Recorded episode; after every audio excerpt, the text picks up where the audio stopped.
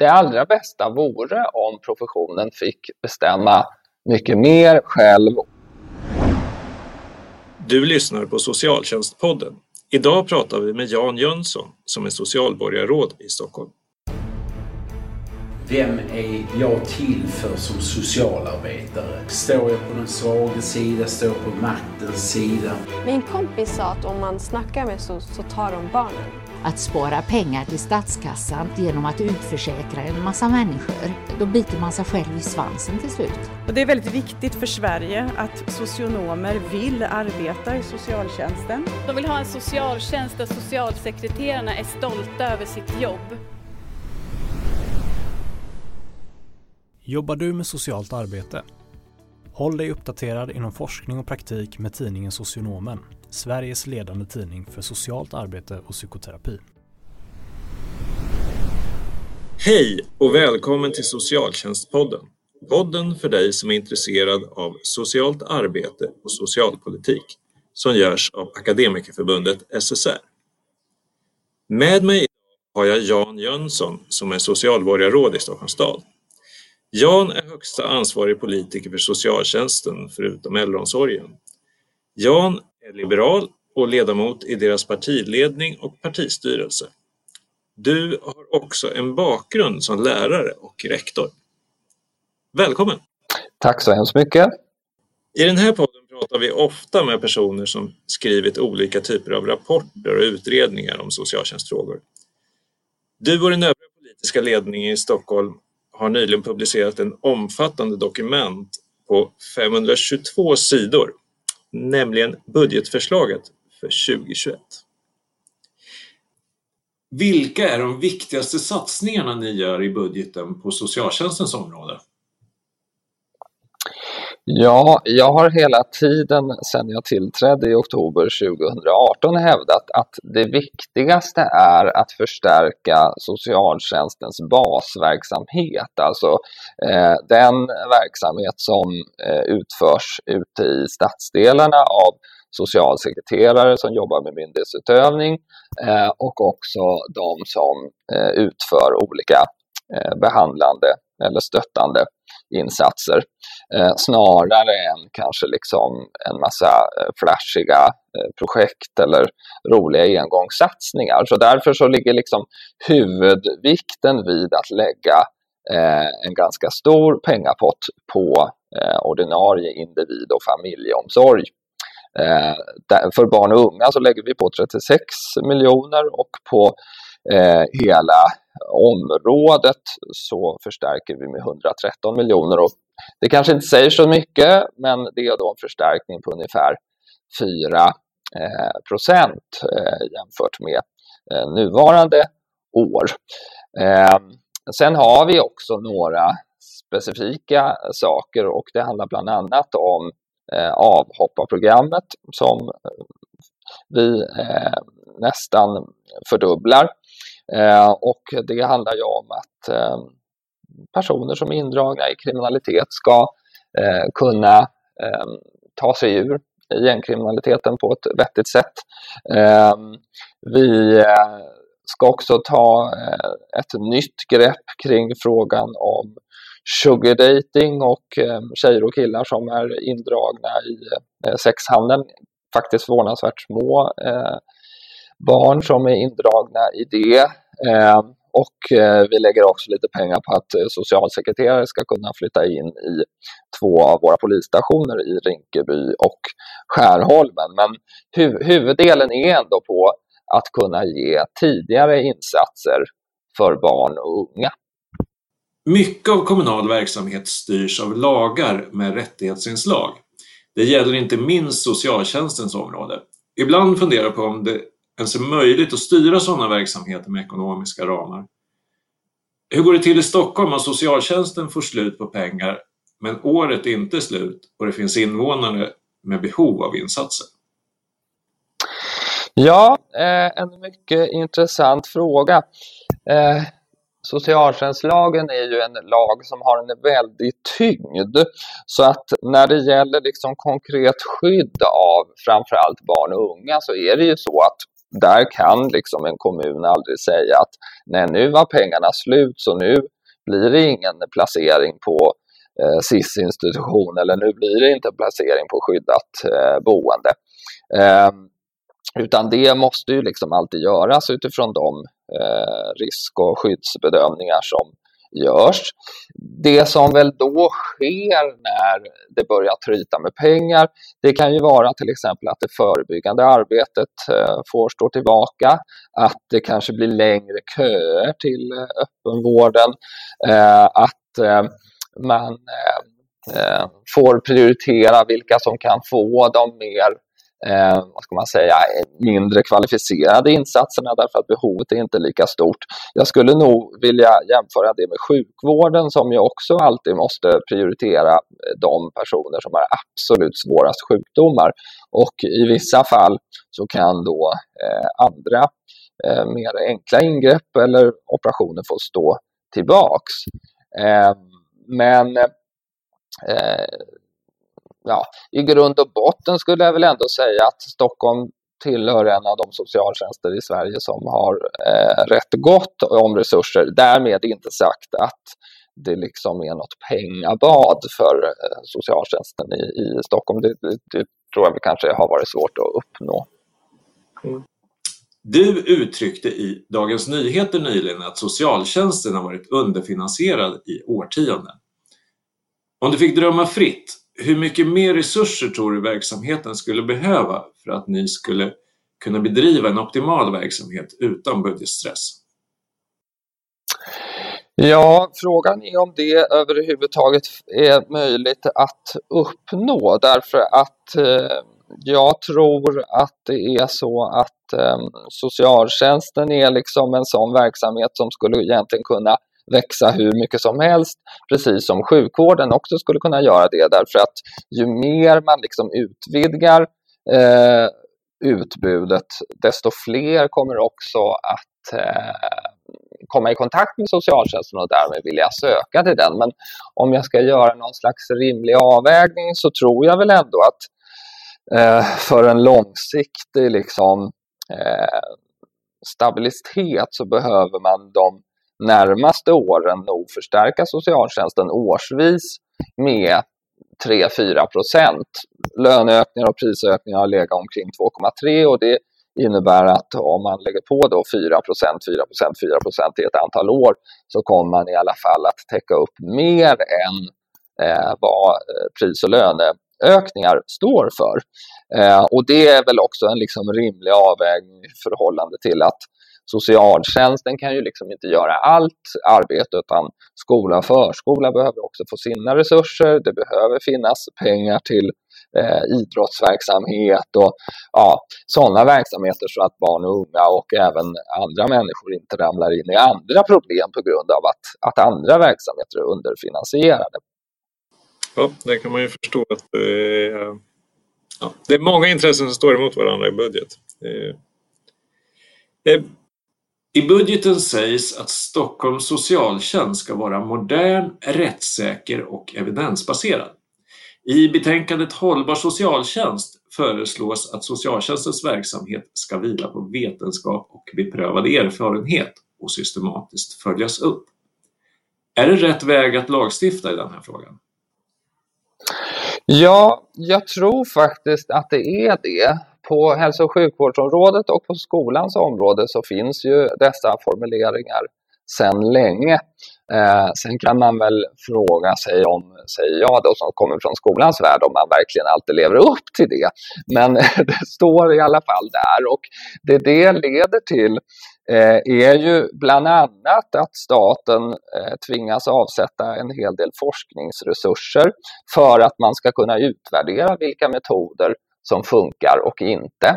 Eh, det i sin tur leder till att fler också blir intresserade av att forska på området och det blir också mer naturligt i kommuner att ehm, eh, faktiskt eh, också avsätta en del pengar till att studera om det, de metoder och, och stödinsatser man har verkligen ger den effekt som eh, man vill. För hela poängen med socialtjänsten är ju att människor ska känna att de får ett stöd och att de blir hjälpta till att kunna leva ett självständigt liv utan socialtjänstens inblandning. Eh, och då behöver man ju veta att man verkligen uppnår det. Idag så är, skulle jag säga att vi har väldigt gedigna eh, socialtjänstrapporter som tas fram i Stockholm varje år.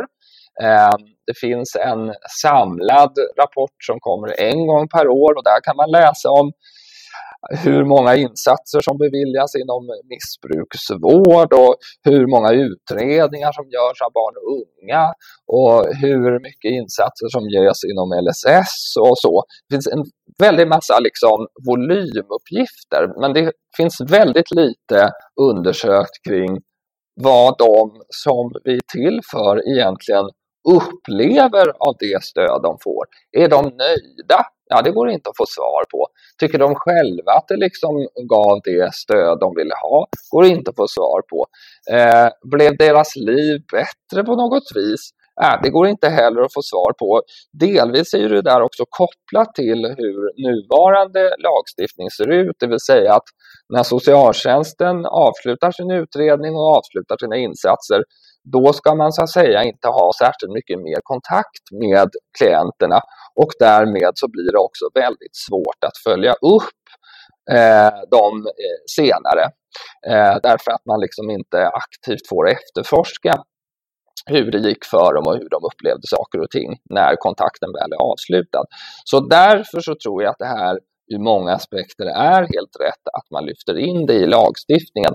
Och jag tror ju liksom att det är bra för alla verksamheter att ha fokus på vad man uppnår för resultat för den enskilda individen eh, snarare än att man kanske bara tänker att man liksom ska eh, använda metoder som man tycker känns bra. För ibland kan vi nog det kan jag känna igen också ifrån skolans värld. Ibland kan man känna att en metod funkar väldigt bra och sen när man utvärderar resultaten så visar det sig att nej, men det gav ingenting. Och i andra fall så visar det sig att man av en slump träffar helt rätt. Och då är det klart att vi vill fortsätta med de grejer där vi faktiskt har träffat rätt. Eh, och det tror jag att det kommer att gagna alla inom socialtjänsten att det blir mer av den typen av metoder där man träffar rätt så att vi använder våra resurser eh, till det som funkar.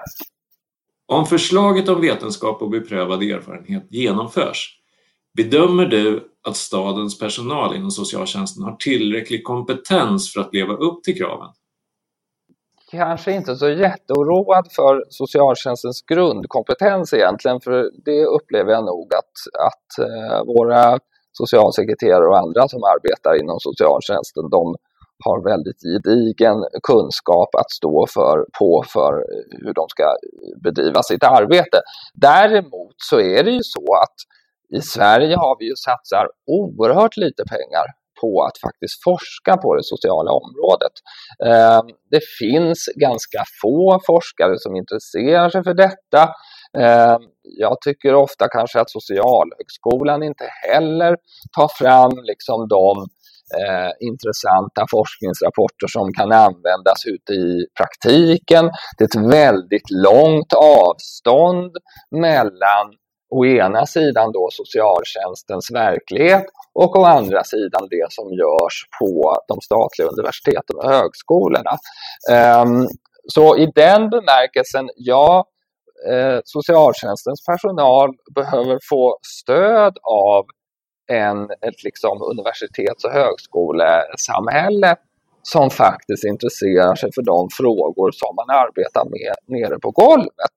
Och då är ju hela poängen förstås att om forskningen kommer med mer resultat så ska det också föras ut till de som arbetar och det kommer ju att kräva fortbildningsinsatser och att man sprider rapporter och att man också får viss tid för att läsa in och diskutera eh, de här eh, nya rönen.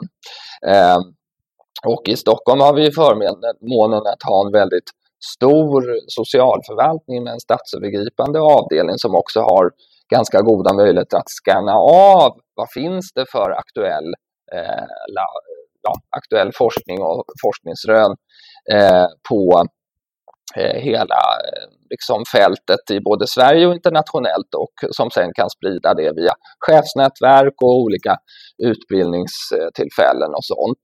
Eh, så att eh, Eh, väldigt mycket blir ju här upp till staten att faktiskt inte bara göra den här lagstiftningen utan också se till att man eh, riktar pengar så att eh, det blir intressant för forskare, doktorander och andra att, ehm, att bidra till vår gemensamma kunskap för att utveckla socialtjänsten framåt.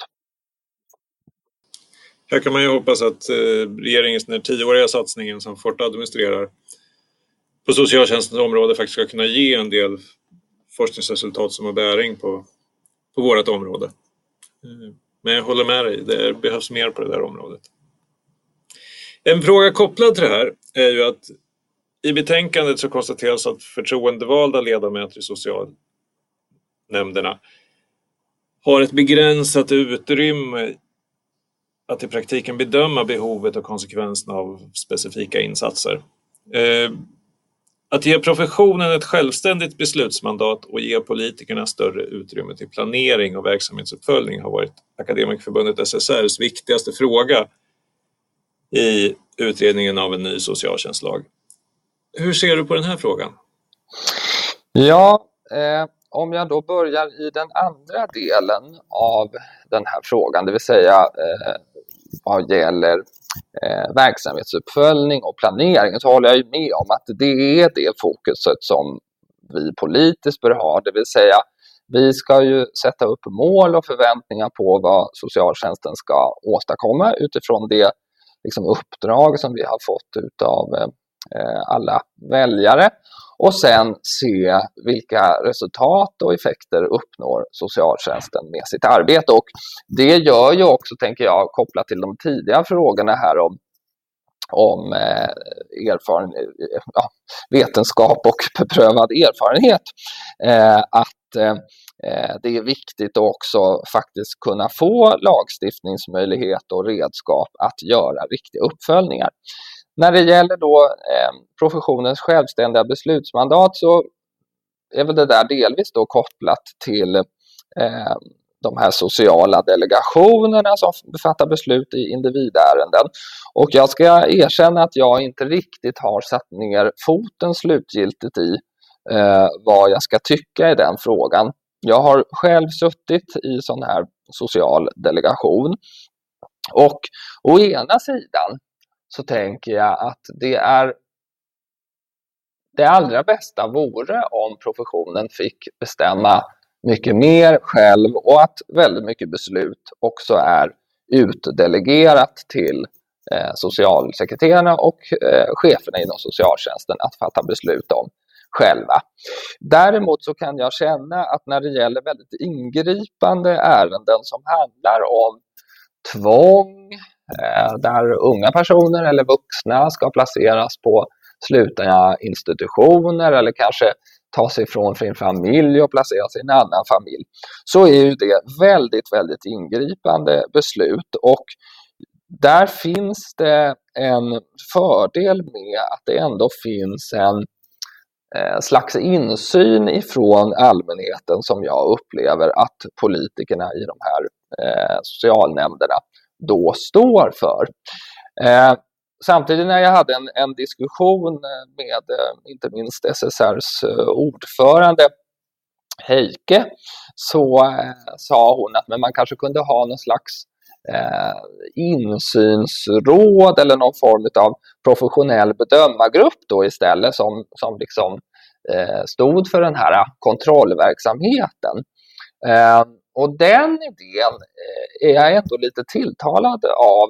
Eh, att man då skulle kunna ha någon form av kanske nämnd som liksom består av både professionella men också eh, några lekmän som skulle kunna se till att människor liksom inte utsätts för maktmissbruk. För det är ju det, det, är det man vill undvika att till exempel en klient som kanske är väldigt upprörd och där det blir mycket prestige eh, mellan handläggare och den här familjen och det blir missförstånd och förvecklingar och, och så. Och, och där det också handlar om då kanske att ett barn ska omhändertas. Eh, där vill man ju ha det så rättssäkert som det bara går och att, att det inte finns någon risk för att, att liksom en ja, en, en tjänsteperson bara fattar beslut för att den kanske har blivit sur på den här familjen. Som vi tyvärr vet historiskt sett att det liksom sker då och då. Det är liksom mänskligt att det kan ske. Så jag har inte helt satt ner foten eh, utan jag bollar lite olika alternativ än så länge i mitt huvud. Och eh, det verkar ju inte som att den här utredningen om framtidens socialtjänst heller lyckades sätta ner någon fot i den här eh, frågan. Så att eh, den lär väl diskuteras ett tag eh, framöver skulle jag tro. Och ehm, alla idéer som just kan upprätthålla det här, den insynen och rättssäkerheten, det är jag väldigt intresserad av att ta del av. Mm. Eh, utredningen, eller rättare sagt utredaren Margareta Winberg valde ju att, att, att, inte ta ställning i den här frågan. Eh, Däremot vad utredningen gjorde var att man bedömde att frågan behöver utredas vidare av en ny utredning. Man bedömde att den var så pass komplex och stor så att, så att man skickade det vidare till regeringen att hantera i en ny utredning. Och apropå det här med någon insynsnämnd som du pratade om så det kan jag också kommentera att, att i, Nor i Norge och Danmark har man ju löst den här frågan på det sättet att, att man har en expertråd eh, bestående av, av personer med olika bakgrunder eh, som fattar den här typen av beslut. Men nu till en ny fråga. Eh, du som lärare och före detta rektor vet ju att frånvaron av skolmisslyckanden är den enskilt viktigaste faktorn för att barn ska klara sig bra i livet. En alltför stor del av socialtjänstens barn, både placerade och hemmaboende, misslyckas fortfarande i skolan. Varför är det så svårt att komma till rätta med barnens bristande skolresultat? Och hur ser det fortsatta arbetet i Stockholm ut på det här området? Mm, eh, varför det är så svårt att komma till rätta med resultaten, det, det är nog en väldigt stor fråga som kan ha många eh, förklaringar. Eh, dels så tycker jag att man ska börja då med att titta på framförallt pojkars skolresultat. För att eh, ibland så klumpar vi ihop alla elever och så blir det någon så här eh, viss procentsiffra som anger hur många som blev behöriga. Men när man börjar titta lite närmare och könsuppdelar de här siffrorna så kan man ofta se att generellt sett så ligger tjejerna väldigt mycket bättre till idag i eh, behörighet till både gymnasiet och till eh, högskola jämfört med killar. Eh, på många av våra utsatta skolor så kan det ibland vara så många som som hälften av pojkarna som inte blir behöriga medan däremot tjejerna på samma skola ligger upp mot 80-90 procent i behörighet. Vad beror denna skillnad på? En delförklaring kan vara eh, de eh, normer som finns inom eh, vissa grupper av unga killar där man liksom på något vis, kunskapen ska bara falla över dem som någon slags Eh, naturlag och man ska inte behöva kämpa så mycket för det utan man ska mest vara liksom eh, lite vall och eh, ja, ibland för att inte använda uttrycket slö till och med. Eh, och eh, min egen erfarenhet är just den att många killar idag, i framförallt grundskolan, tar alldeles för lätt på sina studier och därför inte heller anstränger sig tillräckligt för att, att uppnå de resultat som behövs. Sen är det ju förstås också så att vi har en hel del barn som på grund av att de far illa i sin hemmiljö, eh, de kanske blir utsatta för våld eller de har föräldrar som missbrukar eh, eller eh, barnen själva missbrukar. Det påverkar också väldigt starkt Eh, skolresultaten. För att är det så att man går runt och oroar sig för sig själv eller sina föräldrar och hur det är hemma, då är det klart att det blir väldigt svårt att också koncentrera sig på sina studier. Jag tror, men det här är en väldigt eh, personlig reflektion att den senaste tidens normaliseringsvåg eh, av just eh, drogmissbruk bland unga människor också slår igenom på skolresultaten. Och, eh, eh, vi kan ju nämligen se bland annat i vår Stockholmsenkät som går ut vartannat år till alla elever i årskurs 9 och i gymnasiets årskurs 2 att det är fler som testar narkotika. Vi vet också att det är fler som har en, en ganska lättsinnig syn på eh, narkotika. Det gäller inte bara de unga utan även eh, ibland deras föräldrar.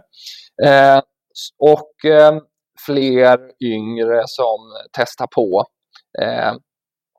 Och det påverkar hjärnans utveckling och det har betydelse för vilka resultat man klarar av och vilken liksom, ansträngning man sätter in i sina studier.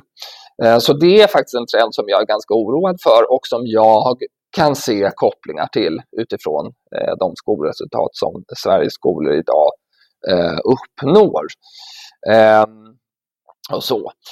Vad kan man då göra åt detta? Ja, jag har ju drivit ända sedan jag kom in här i Stadshuset då för lite mer än två år sedan att socialtjänsten behöver ta en tydligare roll i förhållande till barns eh, skolframgång.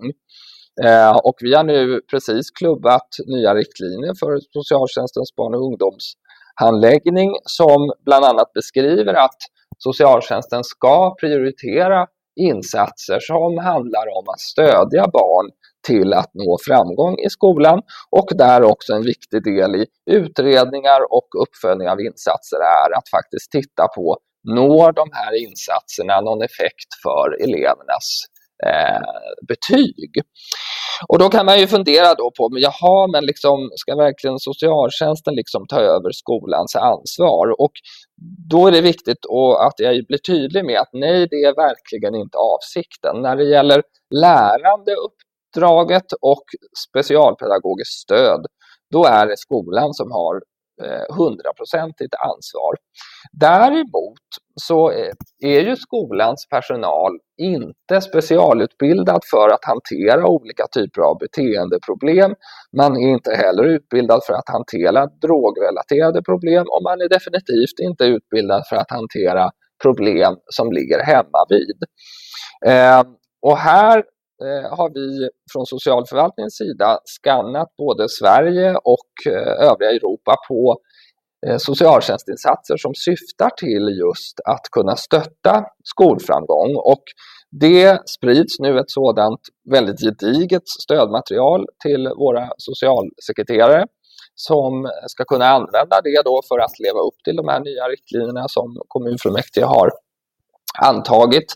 Eh, och Ehm, jag hoppas att vi genom det här skolfokuset faktiskt ska kunna få fler barn att eh, klara skolan och därmed också klara sig ifrån olika typer av sociala problem i sitt framtida liv. Därför att är det någonting som forskningen verkligen är enig om så är det att skolan är den främsta skyddsfaktorn för barn och ungas Eh, framtid. Och då går det inte att tänka i stuprör utan socialtjänst, skola och även polis behöver jobba väldigt nära kring barn och unga. Eh, de är så att säga inte indelade i någon slags administrativa verksamhetsuppdelningar utan barn är liksom en helhet och då behöver vi som jobbar kring dem också jobba som en helhet. Eh, jag hoppas även att vi ska kunna få till att till exempel kuratorer ute på skolorna ska kunna få jobba närmare socialsekreterare som jobbar med myndighetsutövning och utredning. Till exempel genom att hjälpa till att motivera familjer att ta emot insatser, även kanske delta i diskussionerna med socialsekreteraren om vilken insats man överhuvudtaget ska föreslå för att råda bot på eh, något behov eller problem som, som behöver lösas. Bra. Tack. Eh, Jönsson, mycket tack för att du har ställt upp och deltagit på podden och att vi har fått lyssnat på alla dina intressanta svar. Eh, välkommen åter någon annan gång. Stort tack för att jag fick vara med och tack för allt fantastiskt socialt arbete som görs ute i landet.